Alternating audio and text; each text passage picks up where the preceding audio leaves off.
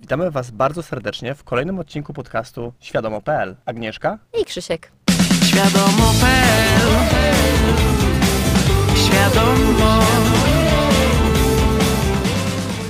W dzisiejszym odcinku poruszymy temat syndromu ofiary. Jest to z terminologii psychologicznej bodajże lub psychiatrycznej lub tej tej, bo już nie pamiętam. Jest to określenie stanu nastawienia osoby, nastawienia umysłu osoby, której wydaje się, która ma wrażenie, że nie ma wpływu na swoje życie, że nie ma wpływu na to, co się dzieje i że całe życie jej się przytrafia. To tak można by to nazwać, tak mówiąc, e, mówiąc prostymi słowami. Tak, tak e, jakby e, podsumowując cały syndrom ofiary, to jest dokładnie to, co Krzysiek powiedział, natomiast będziemy się temu przyglądać, starać się znaleźć takie jakby składowe tego syndromu ofiary, no bo jak mamy takie poczucie, że życie nam się przydarza, przytrafia, że nie mamy na nic wpływu, no to zaczynamy obwiniać okoliczności, świat zewnętrzny, zaczynamy obwiniać ludzi, zaczynamy obwiniać pogodę, zaczynamy obwiniać stan konta, Siebie. Siebie, bo wierzymy, że to jest przypadek, że Bóg mnie nie kocha i dlatego ja mam gorzej niż sąsiad, który ma dużo fajniejszy i większy dom i fajniejszego psa. Cały ten, cały ten syndrom ofiary wynika z jednego przekonania, które utarło się u większości, prawie wszystkich ludzi właściwie w dzieciństwie, że e, źródło mocy i że źródło ich mocy jest na zewnątrz i że muszą je zyskać, że są ofiarą świata zewnętrznego.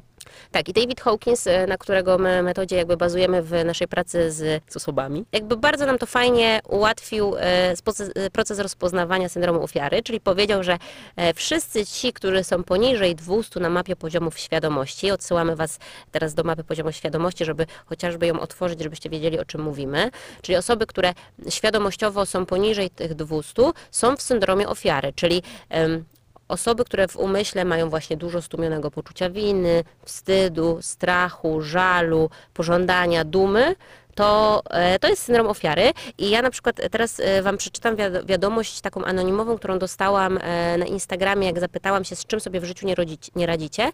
I ktoś napisał tak. Całe życie miałam pod górkę i kiedy już coś mi zacznie wychodzić, nie potrafię się z tego cieszyć.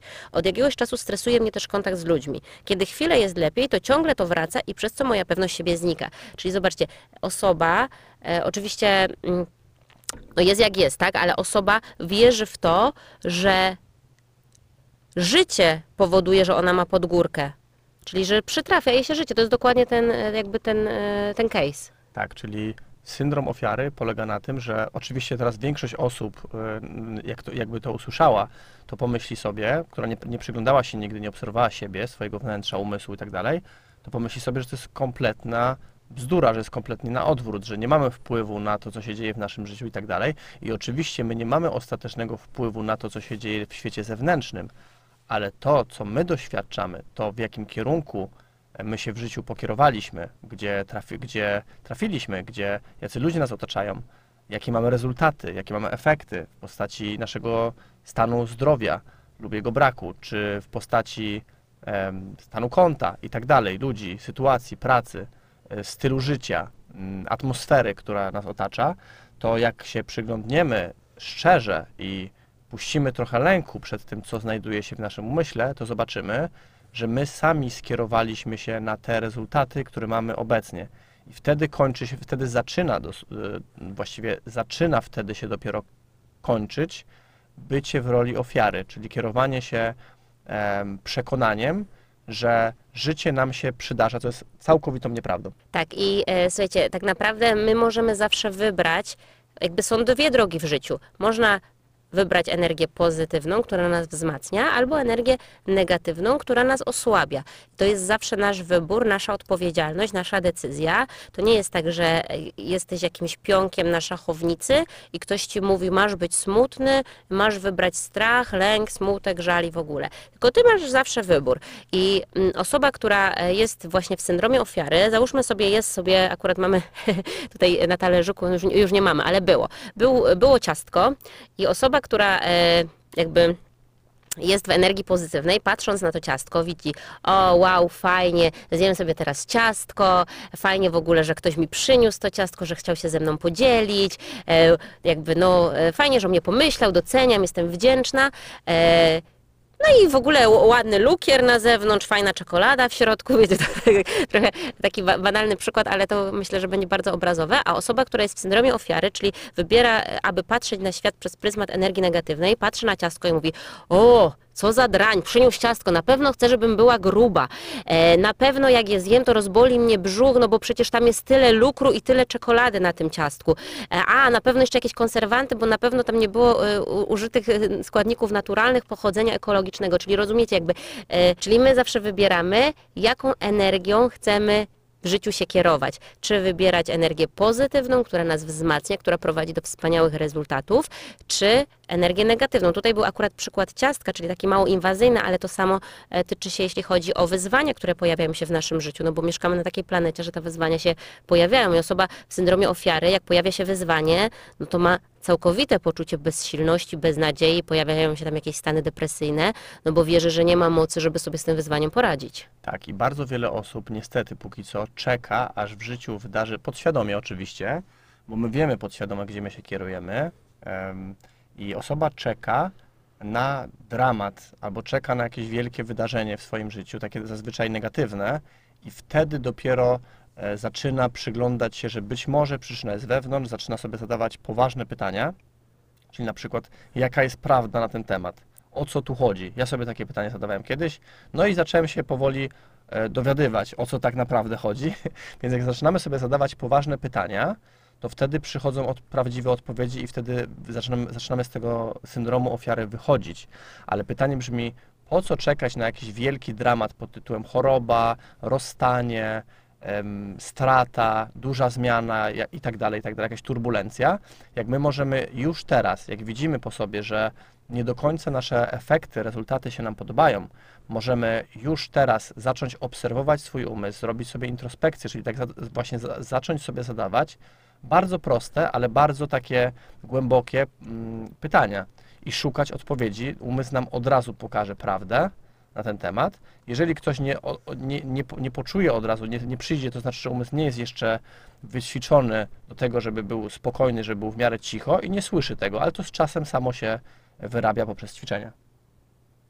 Więc żeby uniknąć różnych turbulencji życiowych, jeżeli na przykład wiemy, że czujemy, że być może kierujemy się e, w stronę jakiejś choroby albo schorzenia, albo wiemy, że kierujemy się w relacji, w związku też w kierunku nie za bardzo takim, jak nam się podoba, to zamiast ignorować ten fakt i myśleć, że my nie mamy na to wpływu, że my nic nie możemy z tym zrobić, no bo to wina może, to, to wina partnera, albo no tak Wina już, genów. tak, e, albo już tak jest, że ze zdrowiem, no to się tam sypie w jakimś czasie i tak dalej. Jeżeli my mamy takie, e, już czujemy, że coś, e, że kierujemy się w takim kierunku, to może warto by było zaglądać do wewnątrz. Tak, często osoby przychodzą do nas na sesję i mówią, a no bo u mnie w rodzinie wszyscy mieli na przykład tam rak, albo wszyscy tam cukrzycę, to chyba jest w genach. Nie, nie ma tego w genach, nie wierzcie w to, to jest fałsz, to my tylko energię możemy ewentualnie jakby przejąć, ale to wszystko da się oczyścić. Nie musicie doświadczać czegoś negatywnego, w co uwierzyliście, że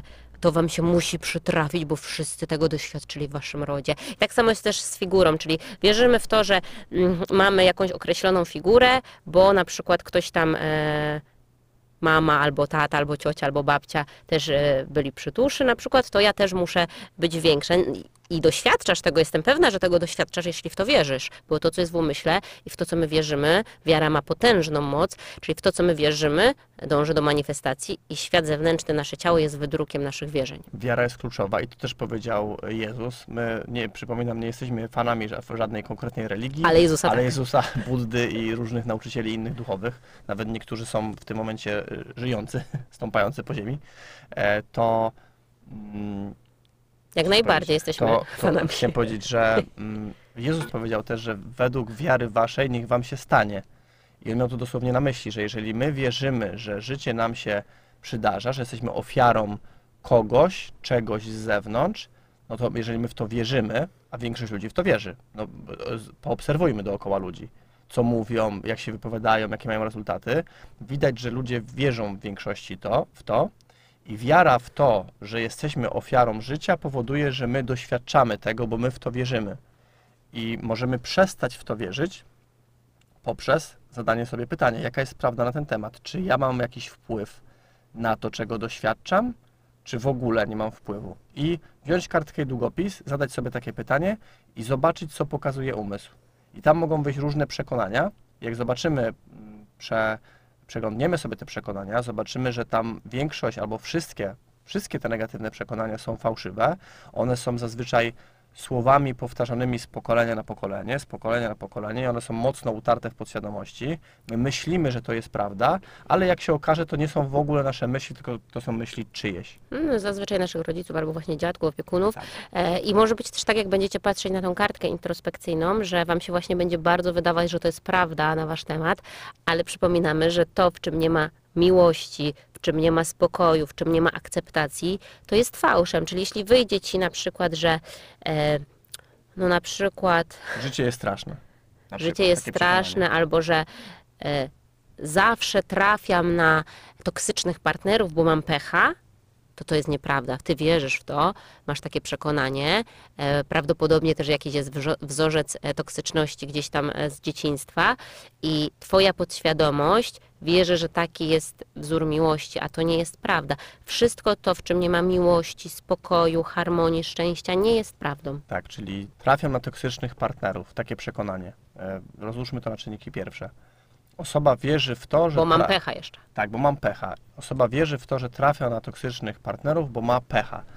No i w jaki sposób, jeżeli osoba ma takie przekonanie, w jaki sposób ona ma trafić na osobę, która nie jest toksyczna? Mm, To się po prostu nie stanie, dlatego że ta osoba już z konkretnym nastawieniem szuka partnera.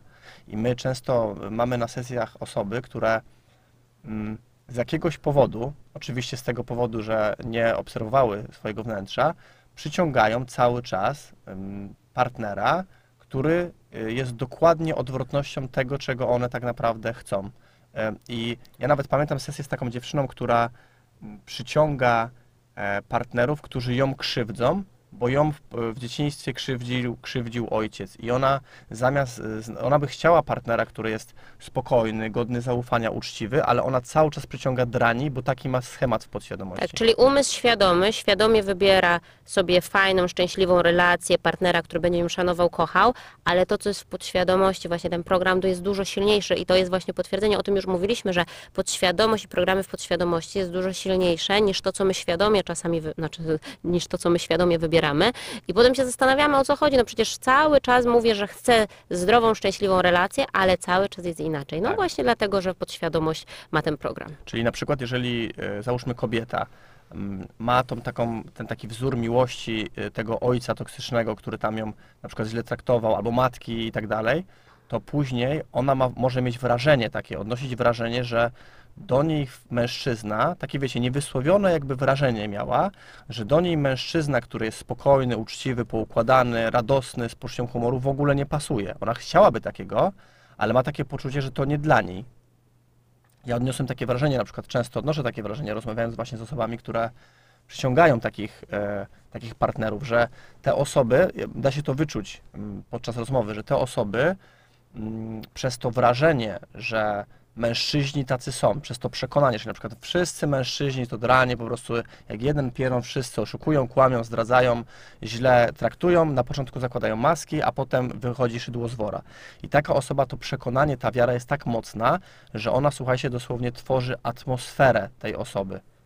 Dosłownie, tworzy atmosferę we wnętrzu tej osoby. To są pewne energie, które są w umyśle. Osoba eman- emanuje takimi energiami i te energie odpychają wręcz partnera, który jest e, przeciwieństwem tego drania. Czyli jeżeli zdarzy się nawet, że zainteresuje się taką kobietą jakiś mężczyzna, który jest poukładany, który byłby przeciwieństwem tego ojca, który by spełnił te oczekiwania, które są w, w tej kobiecie na temat tego, że chciałaby mieć zdrowy, harmonijny, spokojny związek, na tyle, na, na ile to możliwe dla niej, to, to ta energia, ta atmosfera tej kobiety prawdopodobnie albo odepchnie tego mężczyznę, czyli on, e, on po prostu zrezygnuje, albo ona nie będzie chciała nawet się z nim spotykać, bo on nie pasuje do tego wzorca z podświadomości i w tego, co ona wierzy na temat mężczyzn.